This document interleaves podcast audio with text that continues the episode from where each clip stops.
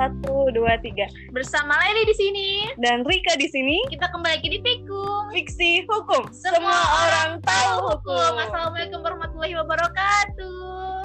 Gimana kabarnya semua pendengar? Gimana kabarnya Rika? Alhamdulillah. Kita kayak lama ya nggak rekaman. iya ya, masa sih? Oke. Tunggu. Mulai kita di biasanya berdua di sini ya. Hmm. Kali ini kita ada spesial. Di sini ada operator yang di depan kita. Ayo suka kayak radio-radio lah biar Uh, kan uh, ada yang uh, uh. berbicara, ada yang operator Iya. pegang laptop. Uh, Oke, next deh kita hari ini akan membahas Script suite ya tema kita, eh, segmen kita pada kali ini. dan narasumbernya adalah Dan em, pasti ini semua orang udah tahu ya. Namanya Muhammad Rifki Ansari. Hey, selamat datang. Iya, selamat datang. yang Selamat lama datang. kita booking dan Uh, uh. baru datang hari ini itu biasa. Sulit emang ya. Iya. Gimana kabarnya nih? sibuk, sibuk. Nah, Alhamdulillah. baik ya. Oke, ini udah berapa bulan Rifki sidang dari kemarin? Eh, jadi harusnya kemarin tuh sidangnya bulan Maret. Cuma Ha-ha. gara-gara yang ya pandemi ini kan jadi eh, di bulan April sidangnya. Oh, tanggalnya mungkin Tanggal berapa ya? Tanggal 7 April. Tanggal 7 April. Berarti online ya? Iya, online. Sama dong kayak aku berarti ya April Ak- juga. eh, Oke, next. Silakan. Iya, kalau boleh tahu eh, apa nih judul lengkapnya skripsi kemarin? Oke, jadi eh, judulnya itu agak panjang ya. Pengaturan Hmm. perjanjian perkawinan dalam sistem hukum positif Indonesia dan perbandingannya dengan New Bergerlek Wetbook. Oke. Sebelumnya mungkin eh, inspirasi dari mengambil judul ini siapa Ki? Eh, jadi kemarin itu eh, saya rada rada rada bingung ya masalah judul skripsi. Oke. Lalu Mhm. ada kemudian eh, salah satu dosen di bagian perdata. Oke. tepatnya- boleh disebut namanya nih. Nama dosennya nggak apa-apa disebut ya? Ya, nggak Ya, apa-apa juga. apa-apa. Dosen Nah, itu Ibu juga. Evi, Ibu Ibu Nur Hafidah. Mhm. Beliau tuh inspirasi saya. Jadi beliau itu yang eh, waktu itu pas ngajar perbandingan, kebetulan ngajar perbandingan. Kemudian beliau suka bagi-bagi judul skripsi dengan murid-muridnya, eh murid-murid lagi, dengan mahasiswa beliau. Ya. Heeh. Nah, di situ di situlah saya eh, terbesit untuk beliau ada menyarankan masalah perbandingan. Beliau juga ada membagikan eh, BW-BW Belanda yang Mhm. sudah diterjemahkan. Nah dari situ saya terinspirasi untuk mengangkatnya. Iya bener banget. Jadi emang nih, si ibunya ini emang suka ngasih judul judul gitu loh, Lay. Dan aku pun gitu terinspirasi dari beliau juga nih. Itu sih baik banget sih Din. Iya, terus. Next. Lanjut ya Rif ya. Eh, Oke. Kalau latar belakang nih, latar belakang skripsi Rifki itu gimana? Secara singkatnya aja. Eh, jadi gini, eh, kan se- eh, seperti kita ketahui Indonesia ini merupakan negara bekas jajahan dari kolonial Belanda. Ya, uh-uh. betul kan? Uh, Ya. Sehingga uh, sistem hukum di Indonesia itu sebagian besar dipengaruhi oleh sistem hukum Belanda. Akan tetapi hukum perdata di Indonesia itu sampai saat ini uh, tidak ada melakukan perubahan terhadap Kitab Undang-Undang Hukum Perdata, yang artinya uh, hanya memiliki empat buku, sehingga itu tuh tertinggal dari Belanda yang kita kenal dengan New Bergerlek Wetbook atau New BW itu Mhm. eh, memiliki 10 buku. Nah, jadi kita tertinggal. Kemudian eh, Indonesia dan Belanda itu sama-sama menganut sistem hukum Eropa kontinental Ya, atau civil law kan. ya, Nah. Jadi sehingga tidak menutup kemungkinan khususnya kitab undang-undang hukum perdata itu dapat diimple- diimplementasikan di Indonesia. Heeh. Nah, lalu eh, saya eh, berpikiran eh, peng- bagaimana pengaturan perjanjian perkawinan di Indonesia Mm-mm. itu tuh eh, kan identik dengan hukum yang beragam. Dalam artian eh, masyarakatnya itu memiliki keanekaragaman budaya yang kental dengan adat istiadatnya. Lalu apakah pengaturan perjanjian perkawinan di Belanda itu dapat diimplementasikan di Indonesia? Mungkin seperti Oke, itu latar gitu. belakangnya. Latar belakangnya. Iya. Next, Sa- eh, dari latar belakang itu rumusan masalah yang Rifki ambil apa? Oke, jadi rumusan masalahnya ada dua kemarin. Apakah perjanjian perkawinan dalam sistem hukum positif Indonesia sudah memenuhi kebutuhan hukum masyarakat? Lalu yang keduanya, apakah pengaturan perjanjian perkawinan menurut New Burgerlijk Wetbook dapat diimplementasikan ke dalam sistem hukum positif Indonesia? Oke, Rifki lanjut nih ke permasalahan pertama, pembahasan pertama. Kenapa? Iya, dijelaskan secara singkat rumusan masalah yang pertama. Oke. Langsung ke pembahasan. Ya, Mm-mm. langsung. Oke, jadi kan tadi rumusan masalahnya apakah perjanjian perkawinan di Indonesia sudah memenuhi kebutuhan masyarakat? Oke, jadi pembahasannya perjanjian perkawinan di Indonesia itu masih belum memenuhi kebutuhan hukum masyarakat karena masyarakat Indonesia belum terlalu familiar dengan hal tersebut. Iya benar. Perjanjian perkawinan itu tuh sangat bagus jika dilaksanakan apalagi dengan adanya putusan Mahkamah Konstitusi dengan nomor 69 garis miring PUU strip X 111 garis miring 2015 di situ eh, membolehkan membuat perjanjian perkawinan pasca nikah. Yang artinya eh, perjanjian perkawinan itu sebelumnya hanya boleh dibuat eh, sebelum melakukan pernikahan. Kemudian dengan adanya putusan Mahkamah Konstitusi tersebut maka perjanjian perkawinan dapat dibuat setelah melangsungkan pernikahan otomatis itu tuh merupakan terobosan yang sangat baik. Kemudian eh, perjanjian perkawinan itu juga lebih baik eh, apa ya? Bukan lebih baik, harusnya dibuat dengan akta otentik agar berkekuatan hukum tetap yang dibuat di hadapan notaris. Kemudian eh, perjanjian perkawinan itu eh, juga dilanjutkan ke lembaga-lembaga pencatatan perkawinan yaitu kantor urusan agama dan kantor catatan sipil yang artinya kesimpulannya itu eh, perkawinan eh bukan perjanjian perkawinan di Indonesia itu masih belum memenuhi kebutuhan hukum masyarakat. Oke. Jadi selanjutnya itu di pembahasan kedua di mengenai apakah pengaturan perjanjian perkawinan dalam New Burgerlijk Wetbook dapat diimplementasikan di Indonesia.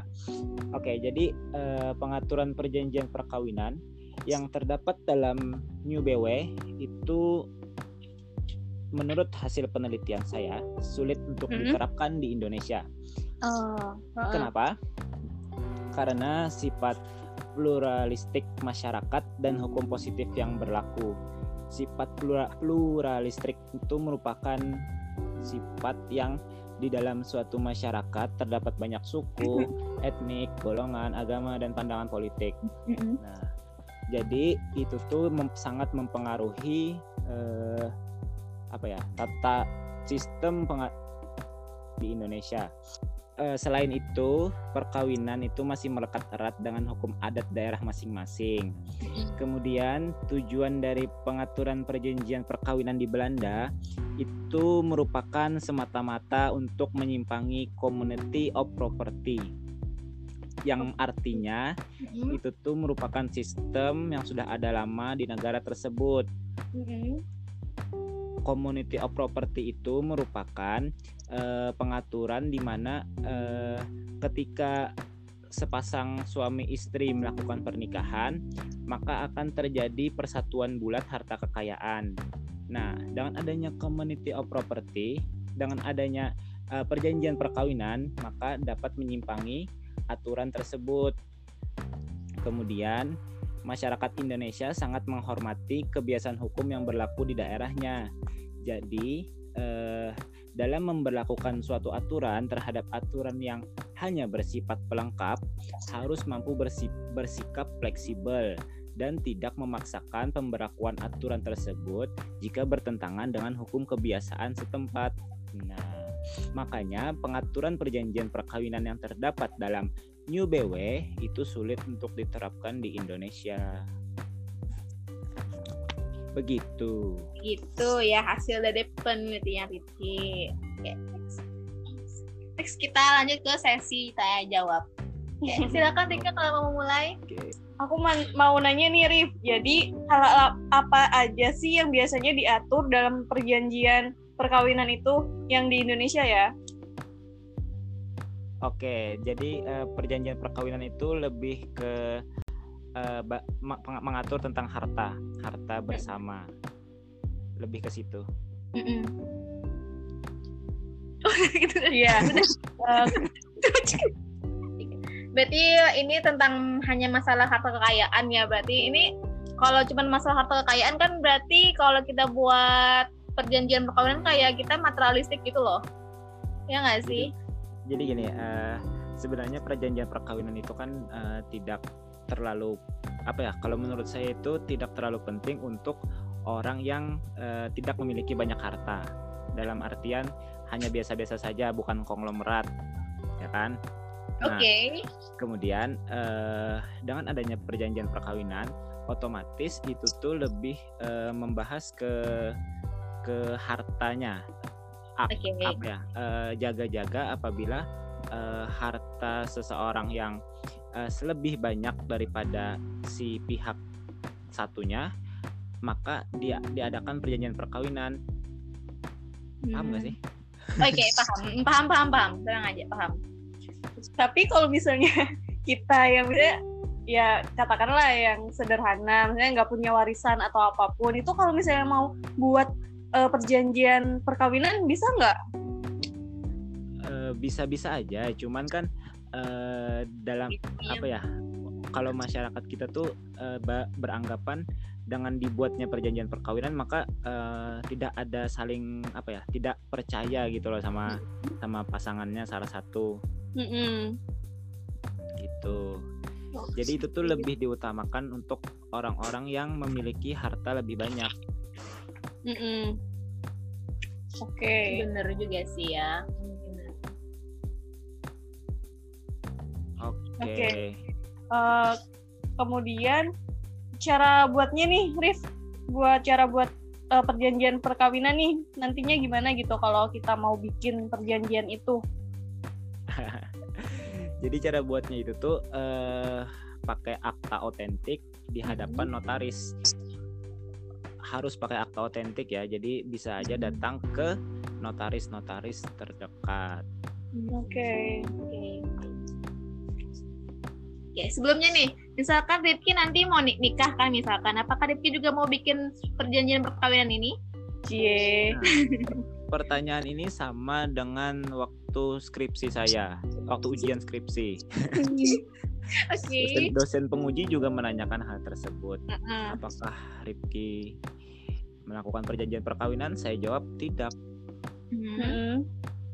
Saya jawab tidak karena uh, yaitu bukan bukan apa ya hanya kalau kalau menurut saya kalau orang sederhana itu apa ya tidak tidak tidak harus deh soalnya soalnya kan itu tadi uh, seolah-olah uh, tidak percaya dengan pasangannya. Mm -mm. Seolah-olah. Oke. Okay. Kalau penulisnya aja udah bilang kayaknya Kayak gitu ya. uh, gitu. Jadi menurut kamu kalau urgensinya nih Rif sebenarnya gimana sih di Indonesia ini sebenarnya perlu atau enggak sih perjanjian perkawinan ini? Itu tuh tergantung kembali lagi dari uh, kembali pada uh, apa ya pada kedua belah pihak uh-huh. dan juga uh, bagaimana pihak tersebut uh, apa ya se senyamannya lah ibaratnya. Soalnya kan uh, perjanjian perkawinan ini belum belum apa ya belum terlalu familiar di mata masyarakat Indonesia. Mereka tidak tahu dengan hal-hal tersebut. So, kalau di peraturannya sendiri perjanjian perkawinan itu wajib nggak sih? Nggak ya? Nggak nggak wajib. Ya, heeh. dan itu pun juga cuman ada satu pasal yang mengatur. Heeh. Oh, Oke. Eh undang-undang- eh, di- metode penelitian, tipe penelitiannya apa? Kesalahan hukum ya? Atau kaburan? Kenapa? Eh tipe penelitiannya. Tipe penelitiannya kemarin itu saya eh, ke lebih ke reform oriented research. Nah, itu artinya penelitian yang dilakukan eh, untuk mengevaluasi suatu aturan, suatu aturan tertentu apakah sudah mencukupi kebutuhan dan apabila mencukupi ataupun tidak, kemudian merekomendasikan perubahan untuk melengkapi aturan tersebut sehingga akan terlihat permasalahan dan jawaban mengenai kekaburan hukum dan diharapkan hasil penelitian itu dapat dijadikan rekomendasi untuk pembaharuan aturan mengenai perjanjian perkawinan. Oke. Halo. Iya, oke. Kita lagi berdiskusi. Oke, sangat terpesona. ya. Oke, next pertanyaannya. Terus eh, apakah sebenarnya perjanjian perkawinan ini misalkan kita buat ya kan apakah juga akan berpengaruh terhadap ketu- a- anak kita? Anak kita. Anak kamu dan Rifki. Maksudnya anak siapa? anak apakah ter- berpengaruh terhadap, terhadap anak juga? Oh, Kan iya. masalah harta kekayaan kan juga pasti berpengaruh pada Misalnya anak. si A dan si B punya anak, Eh, si C eh, gitu. eh, gitu. Sebenarnya itu tuh lebih eh, tergantung bagaimana isinya, isi perjanjian yang dibuat, yang dituangkan ke dalam akta akta otentik tersebut. Hmm. apabila menyebutkan ada pihak pengaruh kepada anak maka akan berpengaruh tapi apabila tidak ya itu hanya sebatas pasangan suami dan istri Oke. Pengaruh ya. Oh. Iya, Rif. eh, kalau mm, perkawinan kan nih, gimana nih? Apakah ada juga yang namanya perjanjian perkawinan atau gimana? Perkawinan campuran seperti apa Maksudnya orang Indonesia dan orang Korea misalnya. oh Korea ya Eh, Misalnya. oke bisa bisa itu bisa bisa dibuat perjanjian perkawinan tapi Bisa ya? berdasarkan eh, apa ya jurisprudensi, dia menikah di mana misalnya di Indonesia maka berdasarkan aturan di Indonesia misalnya Iya, di Korea maka berdasarkan aturannya di sana Mm, mm, mm. Berarti kalau aku nikah di Amerika berarti apa Amerika ya? Ya kan? amin Iya, amin Eh. Iya. Iya. Tapi nikahnya kan orang di sini. Domisili kamu di Amerika maksudnya. Oke, next. Pertanyaan selanjutnya ini kan mengambil eh, undang-undang dari Belanda ya. Kenapa Belanda? Selain yang alasan-alasan tadi mungkin karena kita bekas jajahan Belanda, sistem. Selain Jadi oke wa- eh, sebenarnya eh, waktu i- eh, Ibu Nur Hafidah itu membagikan membagikan judul-judul itu kemarin saya sempat nanya Bu kata saya saya ingin eh, mengangkat perbandingan eh, tapi dengan kode sipil Prancis Bu bukan Belanda. Waktu itu sebelumnya kode sipil Prancis atau French Civil Code kemudian kata ibu bagus itu aja ibu. Kata ibu kan bagus itu. Oke bu kata saya. Terus tapi temanya apa ya? aja saya. Saya kan belum tahu itu eh, temanya mau ngangkat apa. Kata saya perkawinan bu kata saya. Terus kata ibunya iya perkawinan tapi temanya apa yang lebih khusus? kata ibunya. Eh, terus eh, saya bingung nih bingung saya mencari judulnya dan eh, pada akhirnya itu Hamin Hamin satu sebelum eh, terakhir ngumpul proposal saya Mm-mm. dapat saya dapat saya dapat apa ya dapat hidayah eh bukan dapat wangsit, wangsit. ya terus saya tanyakan langsung kepada eh, dengan Bapak Rahmadi Usman Heeh. Pak kata saya "Eh, kalau saya angkat eh, perbandingan eh perjanjian perkawinan terus saya bandingkan dengan Belanda gimana Pak kata saya bisa Mhm. itu ya bapaknya "Eh, lebih mudah kamu kata bapaknya ayo sudah kata Hmm. saya nggak jadi yang kode sipil Perancis itu saya Oke. ambil aja yang Belanda Oh, saya gitu. buat dalam semalam proposalnya Wow. satu satu kali dua 8 jam satu kali 8 jam. ya cuman segitu bukit bikin proposalnya Iya, oke. Oke, baik. Uh, kira-kira menurut kamu uh, apa ya? Ketentuan-ketentuan apa yang menurut kamu bisa apa ya? Bukan diambil maksudnya dijadikan contoh ataupun ketentuan-ketentuan yang bermanfaat yang ada di New BW Belanda.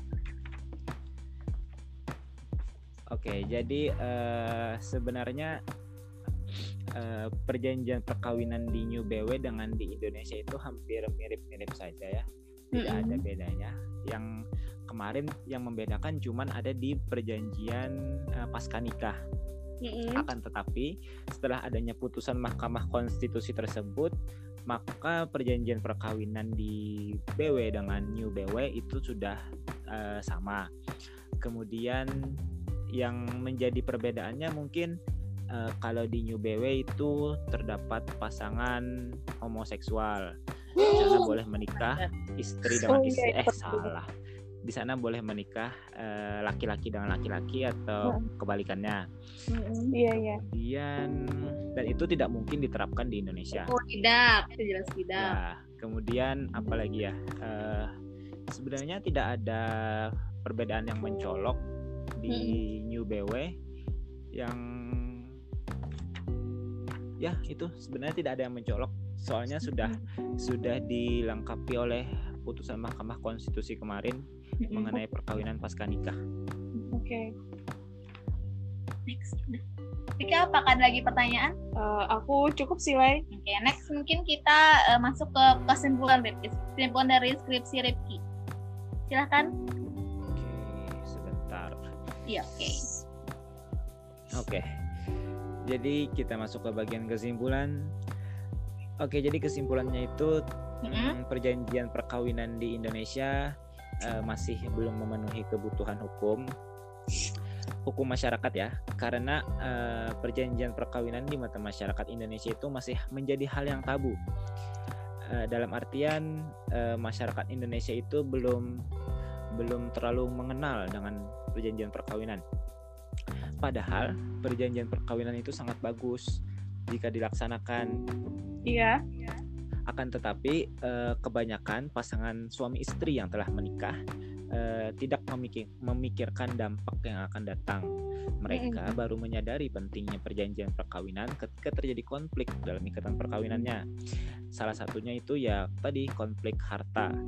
Itu tuh menjadi hal yang sangat eh, sangat krusial apabila hartanya banyak. Kemudian perjanjian perkawinan itu dibuat dengan akta otentik itu mm -hmm. harus agar memiliki kekuatan hukum dan harus dibuat di hadapan notaris yang dilanjutkan ke lembaga pencatatan perkawinan eh, bagi yang beragama beragama muslim kantor urusan agama dan bagi yang non itu di kantor catatan sipil. Oke. Okay. Okay. Yang selanjutnya eh, pengaturan perjanjian perkawinan yang terdapat dalam New BW itu tuh sulit untuk diterapkan di Indonesia hmm. karena sifat pluralistik masyarakat dan hukum positif yang berlaku. Sifat pluralistik itu merupakan sifat yang uh, di dalam suatu masyarakat terdapat banyak suku, etnik, golongan, agama, dan pandangan politik. Okay. Uh, selain itu, perkawinan itu masih melekat erat dengan hukum adat daerah masing-masing. Dan uh, tujuan dari perjanjian itu sendiri di Belanda itu hanya untuk menyimpangi community of property. Seperti yang dijelaskan di awal community of property itu sistem yang ada lama di negara tersebut. Di Indonesia tidak mengenal community of property yang ada hanyalah ketika uh, pasangan suami istri melakukan pernikahan maka akan terdapat dua pembagian harta yaitu harta bersama dan harta bawaan uh -uh. ya kan lalu yeah. Ya. karena masyarakat Indonesia sangat menghormati kebiasaan hukum yang berlaku maka yeah. memberlakukan suatu aturan terhadap aturan yang hanya bersifat pelengkap itu tuh menurut saya harus uh, mampu bersikap fleksibel dan tidak memaksakan pemberlakuan pemberlakuan aturan tersebut. Seperti itu. Oke. Okay. Oke. Okay. Uh, eh, terakhir panjang Sa banget sih bulan. Mantap sih. Okay. Ya.